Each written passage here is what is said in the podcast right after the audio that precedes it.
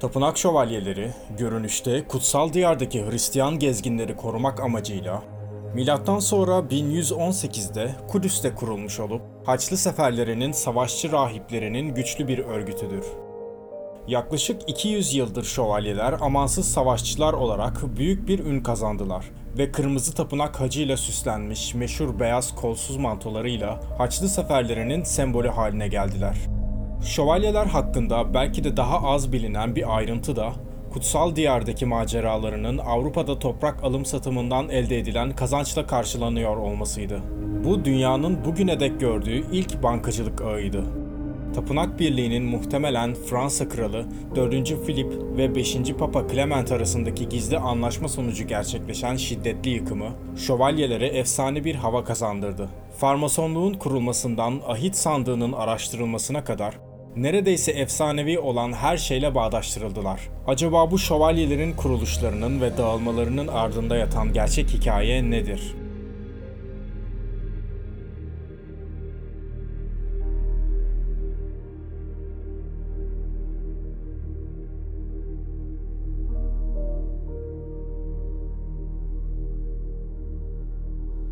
Başlangıçta bu örgüt Fransa'nın kuzeydoğusundaki Champagne bölgesinde bir asilzade olan Hugh de Payens tarafından yönetilen 9 şövalyeden oluşuyordu. Ve Payens 1099'daki ilk Haçlı Seferi sırasında şehrin Müslümanlardan geri alınmasından sonra Kudüs Kralı 2. Baldwin'e şövalyeleriyle birlikte onun hizmetine girmek istediklerini söyledi. Tapınak şövalyeleri kendilerini yoksul yaşamaya, namusluluğa, itaate ve fetihten sonra Haçlılar kutsal diyara giderken onları korumaya adanmış, sıkı bir dini askeri düzen içinde kurulmuşlardı. Milattan sonra ise 1818'de Kral Baldwin Kudüs'teki Tapınak Tepesi'nin Küçük bir anekdot, Tapınak Tepesi Süleyman'ın tapınağının temelleri üzerinde inşa edilmiş olduğu tahmin edilen bir saray. Ee, Tapınak Tepesi'nin bir kanadını barınak olarak kullanmaları için şövalyelere vermiştir. Bu olaydan dolayı şövalyeler Süleyman'ın tapınağının yoksul şövalyeleri olarak bilinmeye başladılar. Şövalyeler 1128'deki Troyes kurulunda kilisenin resmi onayını aldılar ve kurucu baş rahipleri Francis Clairvaux'lu Saint Bernard tarafından yönetim kuralları belirlendi. Birliğin ilk başkanı Hugh de Payens 1128'de para toplamak için İngiltere'yi ziyaret etti ve şövalyeler için askerler buldu. Böylece İngiliz tapınak şövalyelerinin tarihi başlamış oldu. 1130'da De daha çok Fransa ve İngiltere'den toplanmış 300 şövalyenin başında Filistin'e döndü. Aynı yıl Clairvaux'lu Bernard de birliğe desteklerini bildiren Yeni Şövalyeliğe Övgü adlı bir mektup yazdı. Bu mektubun tapınak şövalyeleri üzerinde çok büyük bir etkisi olacaktı. Çünkü mektup Avrupa içinde çabucak yayıldı ve birçok genç insan birliğe katılmak yönünde veya topraklarını ve paralarını birliğe, amaçları için hibe etmelerini etkiledi. Tapınak Birliği her ülkede aynı şekilde örgütlendi. Her birinin o ülkedeki tapınak şövalyeleri için bir birlik başkanı bulunuyordu. Örneğin İngiltere'de kayıtlara geçen ilk başkan 1160'da Richard de Hastings olmuştur. De Hastings ve diğer tüm başkanlar hayat boyu görevde kalan büyük başkana bağlıydılar ve birliğin kutsal diyardaki askeri faaliyetlerinden ve Avrupa'daki ticari ilişkilerinden sorumluydular. Birliğe nasıl üye kabul edildiğinin ayrıntıları bilinmiyor. Aslında bu durum daha çok tarihlerinde tapınak şövalyelerinin aleyhine işleyecek bir etmendi. Yoksulluk, namusluluk, dindarlık ve itaat yeminlerini yerine getirmelerinin yanı sıra üyeliğe aday olanların asıl soydan olmaları gerektiği ve bütün maddi varlıklardan vazgeçerek tüm servetlerini birliğe bağışlamak zorunda oldukları biliniyor. Asker olarak tapınak şövalyeleri düşmana asla teslim olmayacaklarına dair yeminler ediyorlardı. Savaş alanında Tanrı için savaşarak kötülüğün kaynağı olarak gördükleri şeylere karşı şereflice ölen bir şövalyenin doğrudan cennete gideceği kesin olarak görülüyordu. Şiddetli eğitimleri ve sıkı disiplinlerinin yanı sıra bu ölümüne savaşma tavrı tapınak şövalyelerini savaş alanında korkulan bir düşman yapıyordu. Tapınak şövalyeleri kısa sürede Vatikan'ın ve Avrupa krallarının desteğini aldı. İngiltere'de Kral II. Henry, tapınak şövalyelerine ülkenin iç kısımlarındaki geniş arazilerle birlikte ülkenin her tarafında topraklar bahşetti. 12. yüzyılın sonunda Londra'da Fleet Sokağı ve Thames Nehri arasındaki bir bölgede İngiltere tapınak şövalyeleri kendi merkezleri olan Tapınak Kilisesi'ni orijinal adıyla Round Church, Türkçesiyle yuvarlak kiliseyi inşa etti. Bu kilise Kudüs'teki Kutsal Kabir Kilisesi'nin tasarımına göre inşa edilmişti.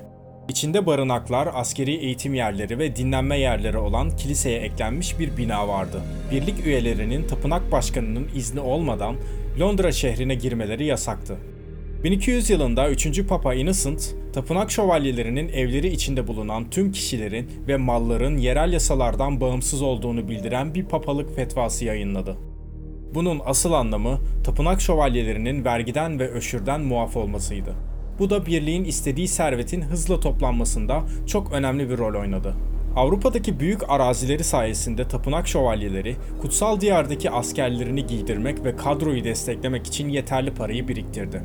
Bağışlardan ve Avrupa'daki geniş ticari girişimlerinden dolayı bunlar arasında toprak ve mal varlığı, alım satımı, finansal kiralar, borç para vermekte vardır. Elde edilen parayı kullanarak kutsal diyar boyunca stratejik noktalara çok sayıda istihkam yapıldı. Tüm bu uğraşlara rağmen tapınak şövalyelerinin sayıca üstün olan İslam kuvvetlerine karşı kanlı mücadeleleri tamamen başarısız olacaktı. 1291'de şövalyelerin geri kalanları Batı Galile'deki Akka şehrinde 10 binden fazla Memlüklü tarafından yok edildi. Bu yenilgiyle kutsal diyardaki Hristiyan egemenliği sona erdi ve Avrupalılar İslam'a karşı savaşmak için şövalyeler gönderilmesinin Tanrı'nın hala isteyip istemediğinden şüphe etmeye başladılar. Haçlı seferlerinin sona ermesi ve kutsal diyarın kaybedilmesiyle kutsal diyar bu arada onlara göre Kudüs oluyor. Tapınak şövalyelerinin varlık sebepleri ortadan kalktığı için şimdi hangi amaca hizmet ettiklerini sorgulamaya başlamasına neden olmuştu. Birlik tarafından kullanılan servet ve güç, birliğin vergilerden muaf olması ve Avrupa'nın geniş topraklarının sahibi olmasıyla birlikte onlara birçok ve çoğunlukla tehlikeli düşmanlar üretmişti. Ve sonunda bu onların çöküşü olacaktı. Ekim 1307'ye geldiğimizde Fransa Kralı 4. Philip ülkede bulabildiği tüm tapınak şövalyelerini aynı anda tutuklatarak hapse gönderdi. Ayrıca Philip tüm birliği, haca tükürmek ve onu çiğnemek, homoseksüellik ve putlara tapma gibi birçok dine karşı suçla itham ederek bütün tapınağın mal ve mülk varlığını tamamen eline aldı. Ardından birçok tapınak şövalyesine Engizisyon Mahkemesi üyeleri tarafından istedikleri itiraflar elde edilene kadar işkence edildi ve sonra bu üyeler idam edildiler. Bu şartlarda elde edilen itirafların gerçekten temeli olması büyük ölçüde olanaksız. 1314'te son büyük başkan Jack de Molly dahil geri kalan tapınak liderleri Paris'teki Sen Nehri'ndeki bir adı olan Ila de la Cite'deki Notre Dame Kilisesi önünde kazığa bağlanarak yakıldılar. Görünüşe göre de Molly'nin etrafını alevler sarmadan önce 4. Philip ve onun ortak komplocusu olan Papa 5. Clement'in aynı yıl içerisinde öleceği kehanetinde bulundu. Molly bu kehaneti yapmış olsun ya da olmasın her iki adamın da büyük başkanın idamıyla aynı yıl içinde öldüğü doğrudur. De Molly'nin ölümüyle birlikte tapınak şövalyelerinin 200 yıllık çalkantılı tarihi de sona erdi. En azından şövalyeler hakkında bilinen geleneksel hikaye bu. Filip'in etkisiyle Papa 5. Clement'in birliği 1312'de resmen dağılmasından sonra bile diğer Avrupa krallıkları tapınak şövalyelerinin suçlarına inanmadı. İngiltere'de birçok şövalyenin tutuklanıp yargılanmasına rağmen büyük çoğunluğu suçsuz bulundu. Bazıları o dönemde kiliseden aforoz edilmiş olan Robert de Bruce'un egemenliğinde İskoçya'ya kaçtılar ve böylece birliği yasa dışı ilan eden papalık fetvasından etkilenmediler. 4. Filip'in tapınak şövalyeleri üzerinde bu korkunç saldırıyı kışkırtma nedeni olarak birçok kuram ortaya atıldı. Birçok araştırmacı, kralın tapınak şövalyelerinin servetinden ve gücünden mahrum bırakmak ve gereken tüm yollara başvurarak bunları kendisine almak için uğraştığı konusunda hemfikirdir. Ancak Filip'in tapınak şövalyelerinin servetinden ne kadarına el koyabildiği tam olarak açık değildir. Tapınak şövalyelerinin ani sonu, birliğin ve servetinin açıkça tamamen yok olması birçok efsaneyi ve uçuk kuramı beraberinde getirdi. Tapınak şövalyelerinin kısmen başka birliklere rahip şövalyeler gibi alındığı doğru olsa da 15 bin adet olduğu tahmin edilen tapınak evlerine, donanma gemilerine, ticaret varlıklarını ve mali kayıtlarını ayrıntılarıyla gösteren devasa arşivlerine ve tapınak şövalyelerinin kendilerine ne olduğu tam olarak bilinmemektedir. Tüm Avrupa'da on binlerce tapınak şövalyesi vardı ve bunların sadece küçük bir kısmı idam edildi ve işkenceye uğradı. İddiaya göre İngiltere'de Hertfordshire eyaleti tüm Avrupa'dan kaçan şövalyeler için bir mabet oldu. Herefordshire'daki Boldak kasabası tapınak şövalyeleri tarafından kuruldu. 1199'dan 1254'e kadar birliğin İngiltere merkezi oldu. Birliğin resmi suçlamalarından sonra normal şekilde devam etmesi ancak gizli odalarda, hücrelerde ve mağaralarda buluşuyor olması kesinlikle akla yatkın bir ihtimaldir. Herefordshire'daki iki Roma yolunun kesiştiği yerde bulunan Royston mağarası, tapınak şövalyelerinin buluştuğu yerlerden birisi olabilir. Mağarada orta çağdan kalma birçok oyma figür bulunuyor ve bunların çoğu pagan figürü fakat St. Catherine, St. Lawrence ve St. Christopher oldukları düşünülen şekiller de var. Royston mağarasının tapınak şövalyeleri tarafından kullanıldığı kuramını destekleyen kanıt da 1307'de birçok tapınak şövalyesinin idamdan önce hapse atıldığı yer olan Fransa, Chinon'daki Tour de Caudrey'de bu oymalara benzeyen başka oymalar da bulunmasıdır. Başka bir kuram da zulüm gördükten sonra İskoçya'ya kaçan tapınak şövalyelerinin İskoç Rit Farmasonluğunu kurmuş olmasıdır. Görünüşe göre ilk Dundee Vikondu, Cleverhouse'lu John Graham'ın zırhının altında bir tapınak şövalyesi hacı vardı. Bazı araştırmacılar 17. yüzyılın sonlarında Farmasonların yeni isim altındaki tapınak şövalyeleri olduğuna inanır. Diğer efsaneler tapınak şövalyelerinin kaçırılmış hazinelerinin niteliği üzerinde varsayımda bulunur.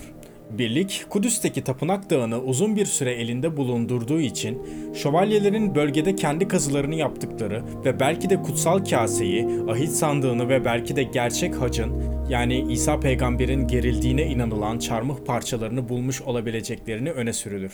Bir efsane de birliğin kutsal kaseyi tapınak dağının altında bulduğunu ve 1300'lerin başında İskoçya'ya getirdiğini anlatır. Görünüşe göre kase, Midlothia'nın Roslin köyünde 15. yüzyıldan kalma bir kilise olan Roslin Chapel altında bir yere gömülü olarak hala orada durmaktadır. Günümüzde de varlığı sürdüren bazı gizli gruplar, örneğin Güneş Tapınağı tarikatı, asıl tapınak şövalyelerinin soyundan geldiklerini iddia ederler ve asıl tapınak şövalyelerinin ruhunu canlandırma girişiminde bulunan başka çok sayıda örgüt bulunmaktadır. Modern dünyanın komplo teorilerine, gizli bilgilere, karanlık okült gruplarına ve uzun zamandır kayıp kalıntılara olan düşkünlüğüyle tapınak şövalyeleri modern dünyada gizli örgüt örneğini temsil ederler. Bununla birlikte tarihçilerin çoğu tapınak şövalyelerinin gerçek miraslarının daha sıradan olduğuna, genellikle bankacılık ve şövalyelik kanunu ile ilgili olduğuna inanır. Tapınak şövalyelerinin popüler imajı şu anda Avrupa ve Amerika'da öyle güçlüdür ki her zaman Süleyman'ın tapınağının yoksul şövalyelerinden kalanların gerçekten bunlarla sınırlı olup olmadığını merak edenler olacaktır.